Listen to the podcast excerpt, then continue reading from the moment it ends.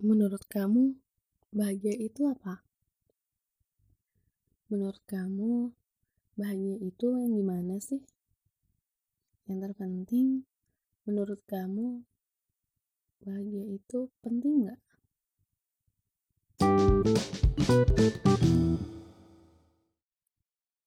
Raha, 25 Agustus 2019 Paginya pagi, berangin Masya Allah membuat dingin. Hujan terakhir kali turun Kamis dini hari. Semoga hari ini hujan. Assalamualaikum warahmatullahi wabarakatuh, sister. Jadi gimana? Menurut kamu bahagia itu apa sih? Terus bahagia itu yang gimana sih? Belum apa-apa udah ditanya aja ya. Yuk kita coba pikirin sama-sama jawabannya ini aku nggak mau mikir sendiri aja sih makanya cari temen.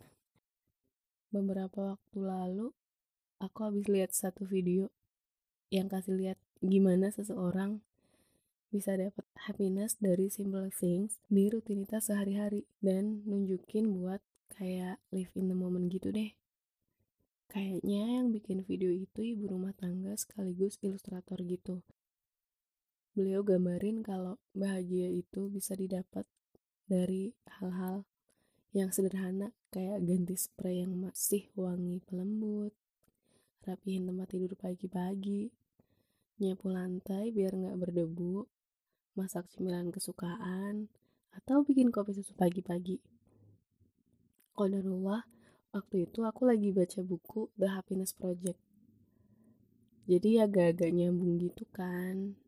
Nah ini bukunya udah terbitan laos banget tapi aku baru nemu haha kudet. Katanya sih recommended gitu. Ya udahlah aku baca ada tuh. Isinya masya allah seteknis itu sih ngejelasin apa aja yang bisa kita lakuin biar hidup kita happy. Penulisnya Gretchen Rubin. Mbaknya ngejelasin juga tuh tentang latar belakang kenapa bikin happiness project. Nah jadi ceritanya Mbak Gretchen Rubin ini bikin happiness project bukan karena dianya nggak happy, tapi lebih ke preparation biar gimana dia bisa at least tetap happy ketika lagi terpuruk. Ya life cycle. Orang siapa yang tahu ya kapan di bawah kapan di atas. Selain itu Gretchen Rubin juga ngerasa kalau seharusnya dengan apa yang dipunyai sekarang itu dia lebih bahagia. Tapi kok be aja gitu atau biasa aja gitu. Padahal bisa dibilang dia nih punya semua kriteria bahagia menurut kebanyakan orang. Tahu standar bahagia menurut orang-orang gitu loh. Keluarga ada anak-anak ada karirnya cemerlang finansialnya kecukupan dan lain sebagainya. Karena dua alasan ini, mbaknya bikin The Happiness Project Selama setahun, mbaknya bikin 12 resolusi yang dibagi ke setiap bulannya. Jadi setiap satu bulan ada satu resolusi yang harus mm, dirutinin sama mbaknya. Dari Januari sampai Desember.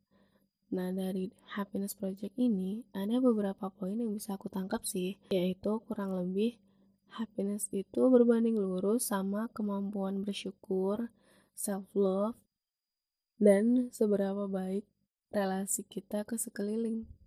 Hmm, oke. Okay. Aku excited gitu kan ceritanya, apalagi di buku ini tuh bahasannya teknis banget sampai di akhir bukunya itu tuh ada kayak eh, step-step uh, untuk bener-bener gimana caranya buat kita bahagia gitu. Dan langkah-langkahnya tuh ya gampang diikutin gitu loh buat sehari-hari gitu karena excited ini, aku ceritalah ke salah satu teman deketku nih. Kami jadi ngobrol dikit tentang happiness. Ujungnya dia tuh bilang, Gak ada loh Allah nyuruh kita untuk kejar happiness di Quran. Wah, kok jadi berlawanan sama yang habis kubaca gitu kan? Habis itu, dia kasih tauin buat tadabur surah Al-Hadid ayat 20 yang artinya gini. Ketahuilah Sungguh kehidupan dunia itu hanyalah permainan dan senda gurauan. perhiasan dan saling berbangga di antara kamu, serta berlomba dalam kekayaan dan anak keturunan. Seperti hujan yang tanam-tanamannya mengagumkan para petani. Kemudian tanaman itu menjadi kering dan kamu lihat warnanya kuning, kemudian menjadi hancur. Dan di akhirat nanti ada azab yang keras dan ampunan dari Allah serta keridoannya. Dan kehidupan dunia tidak lain hanyalah kesenangan yang palsu. Eh, ini aku bukan ahlinya, jadi agak dikit-dikit aja kita coba pelajari ya. Nah, di sini itu di awal ayatnya udah dikasih tauin kalau kehidupan dunia ini kayak cuma permainan aja gitu. Terus di sini ada juga kata perhiasan dan saling berbangga di antara kamu, serta berlomba dalam kekayaan dan anak keturunan. Nah, makanya ya wajar aja kan kalau kebanyakan perempuan itu berlomba-lomba buat berhias. Walaupun katanya perempuan itu mempercantik diri sendiri memang untuk dirinya sendiri. Cuma ya memang berarti fitrahnya memang untuk jadi perhiasan gitu kan. Selanjutnya, di sini ditekankan juga dan saling berbangga di antara kamu serta berlomba dalam kekayaan dan anak keturunan. Nah, ini tuh konteksnya kayak ibu-ibu yang kalau lagi ketemu sama orang tuh yang dibanggakan ya memang itu kan anak keturunannya gitu. Biasanya kalau misalkan kayak tukar kabar tuh kan, eh anaknya di mana? Anak saya di sini nih sekarang anak saya alhamdulillah lah gitu-gitu. Nah, selanjutnya seperti hujan yang tanam-tanamannya mengagumkan para petani. Nah, di sini itu uh, diibaratin kalau rasa senangnya itu sama kayak kalau petani lagi nanam tanaman terus setelah itu diturunkan hujan. Anggaplah kalian lagi tanam sesuatu tanaman gitu, terus habis itu hujan turun gitu. Kalian pasti senang gitu kan karena wah alhamdulillah tanamanku dikasih hujan. Nah padahal proses tanaman itu dari awal ditanam sampai dipanen itu kan nggak sebentar ya? Ya gitu aja terus rasanya se-excited itu. Nanti hasilnya pasti akan hijau-hijau nanti hasilnya pasti akan bisa dipanen nanti hasilnya pasti akan bagus. Nanti hasilnya pasti akan memuaskan. Itu tuh e, rasa itu yang benar-benar mm, bikin excited gitu kan. Eh selanjutnya Allah patahkan tuh semua itu. Kemudian tanaman itu menjadi kering dan kamu lihat warnanya kuning kemudian menjadi hancur kayak semua penantiannya tuh ya udah sia-sia aja gitu nggak ada apa-apanya. Hasil tanamannya kosong orang jadi kuning ya layu gitu kemudian menjadi hancur. Ya orang udah nggak ada apa-apanya. Jadi di kalimat pertama di ayat ini tuh contoh kecilnya sama kayak anak-anak yang lagi jalan sama ibunya terus habis itu di toko mainan lihat ada mainan yang bagus terus si anak ini mendadak jadi minta mainan itu ke ibunya ibu ibu mau mainan yang itu gitu. Abis itu ibunya bilang enggak nak mainanmu tuh masih banyak di rumah. Habis itu anaknya kayak tetap ngotot gitu kan. Pokoknya mau mainan yang itu mainan yang itu tuh beda sama yang di rumah kayak gitu. Akhirnya ibunya bilang oke okay, nak dibelikan tapi dibukanya nanti kalau udah sampai rumah gitu terus akhirnya udah tuh dibeliin sama ibunya sepanjang perjalanan. Anaknya tuh udah megang dan ngeliatin mainannya doang kan. Karena udah janji buka mainannya ketika udah di rumah. Abis tuh selama perjalanan dia pegang-pegang lah tuh mainan. Matanya berbinar-binar.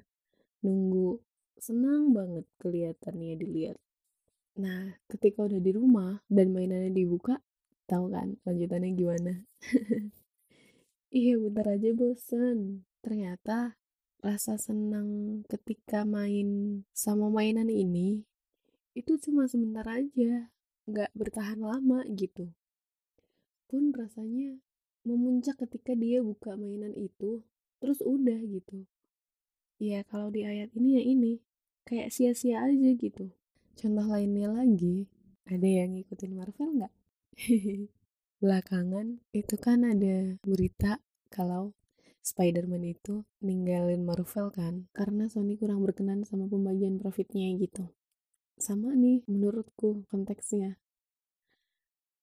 Buat kalian yang ngikutin Marvel dari awal dari tahun kurang lebih 2008 gak sih?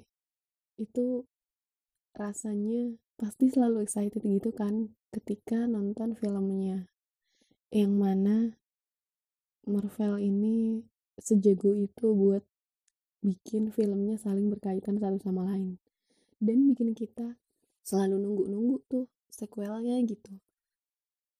Kalau untuk yang ngikutin filmnya beneran dari awal itu kan setiap di setiap filmnya itu kayak selalu ada apa ya selalu ada yang bikin satu sama lain itu berkaitan. Dan itu yang bikin penikmatnya itu antusias buat nonton dan nungguin setiap tahunnya gitu. Coba bayangin itu 11 tahun loh film. Iya sih beda-beda. Cuman kan tetap aja prosesnya selama itu gitu dan nah ujungnya itu kan ada di tahun ini itu di film yang Endgame. Itu tuh wah masya Allah ya. Sebanyak itu crowdnya untuk nonton dan sekarang kan udah udah jadi film terlaris sepanjang masa gitu kan. Bayangin ya itu 11 tahun prosesnya untuk sampai ke kayak akhir fase yang sekarang gitu. Dan di endgame itu kan udah mau muncak tuh rasa penasarannya orang-orang udah terjawab. Terus kayak udah benar-benar di ujungnya gitu selanjutnya film yang terakhir dari Marvel itu kan Spider-Man Far From Home gitu itu ternyata kalau dari teman-teman yang udah nonton katanya di film itu tuh masih banyak pertanyaan-pertanyaan yang belum terjawab masih banyak kemungkinan-kemungkinan yang lanjut lanjutan dari film ini gitu kayak nanti ceritanya bisa berkembang ke A, B, C dan segala macam. Tahunnya itu tadi Spider-Man-nya ditarik ke Sony. Bagi yang nggak tahu, um, Sony itu perusahaan yang berbeda sama Marvel. Coba deh tuh, gimana rasanya? Kayak kalian udah jadi pengikut setianya selama 11 tahun terus tiba-tiba nggak sesuai harapan kalian gitu wah kecewa banget sih pasti selamat teman-teman kita udah terjebak dalam kapitalisme dunia kayak petani yang udah berbulan-bulan nungguin tanamannya hijau rimbun hasilnya memuaskan ternyata kuning layu hancur sia-sia. Oke, kita lanjutin ya. Di akhir ayat ini, dan di akhirat nanti ada azab yang keras dan ampunan dari Allah serta keridoannya. Nah, di sini tuh kayak ditekankan lagi kalau dari semua bahagia-bahagia yang ada di dunia itu nanti akan dihisap.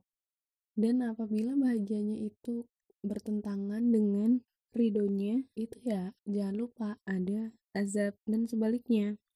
Dan kehidupan dunia tidak lain hanyalah kesenangan yang palsu. Weh palsu ini semua coy ternyata ya emang gak ada habisnya gak sih semua ini kalau dikejar?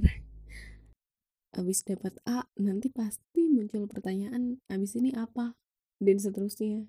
Masih mending kalau sewaktu kita dapetin A happinessnya sesuai sama yang kita bayangin. Ya kalau enggak ya kayak petani tadi yang dapat padi yang menguning. Kecuali kita benar-benar tahu apa sih ultimate happiness kita. Kalau kata orang-orang bahagia itu sederhana. Ya iya benar. Tapi menurut sister sendiri apa sih ultimate happiness kita? Sekian episode kali ini. Semoga bermanfaat ya. Wassalamualaikum warahmatullahi wabarakatuh. Thank you.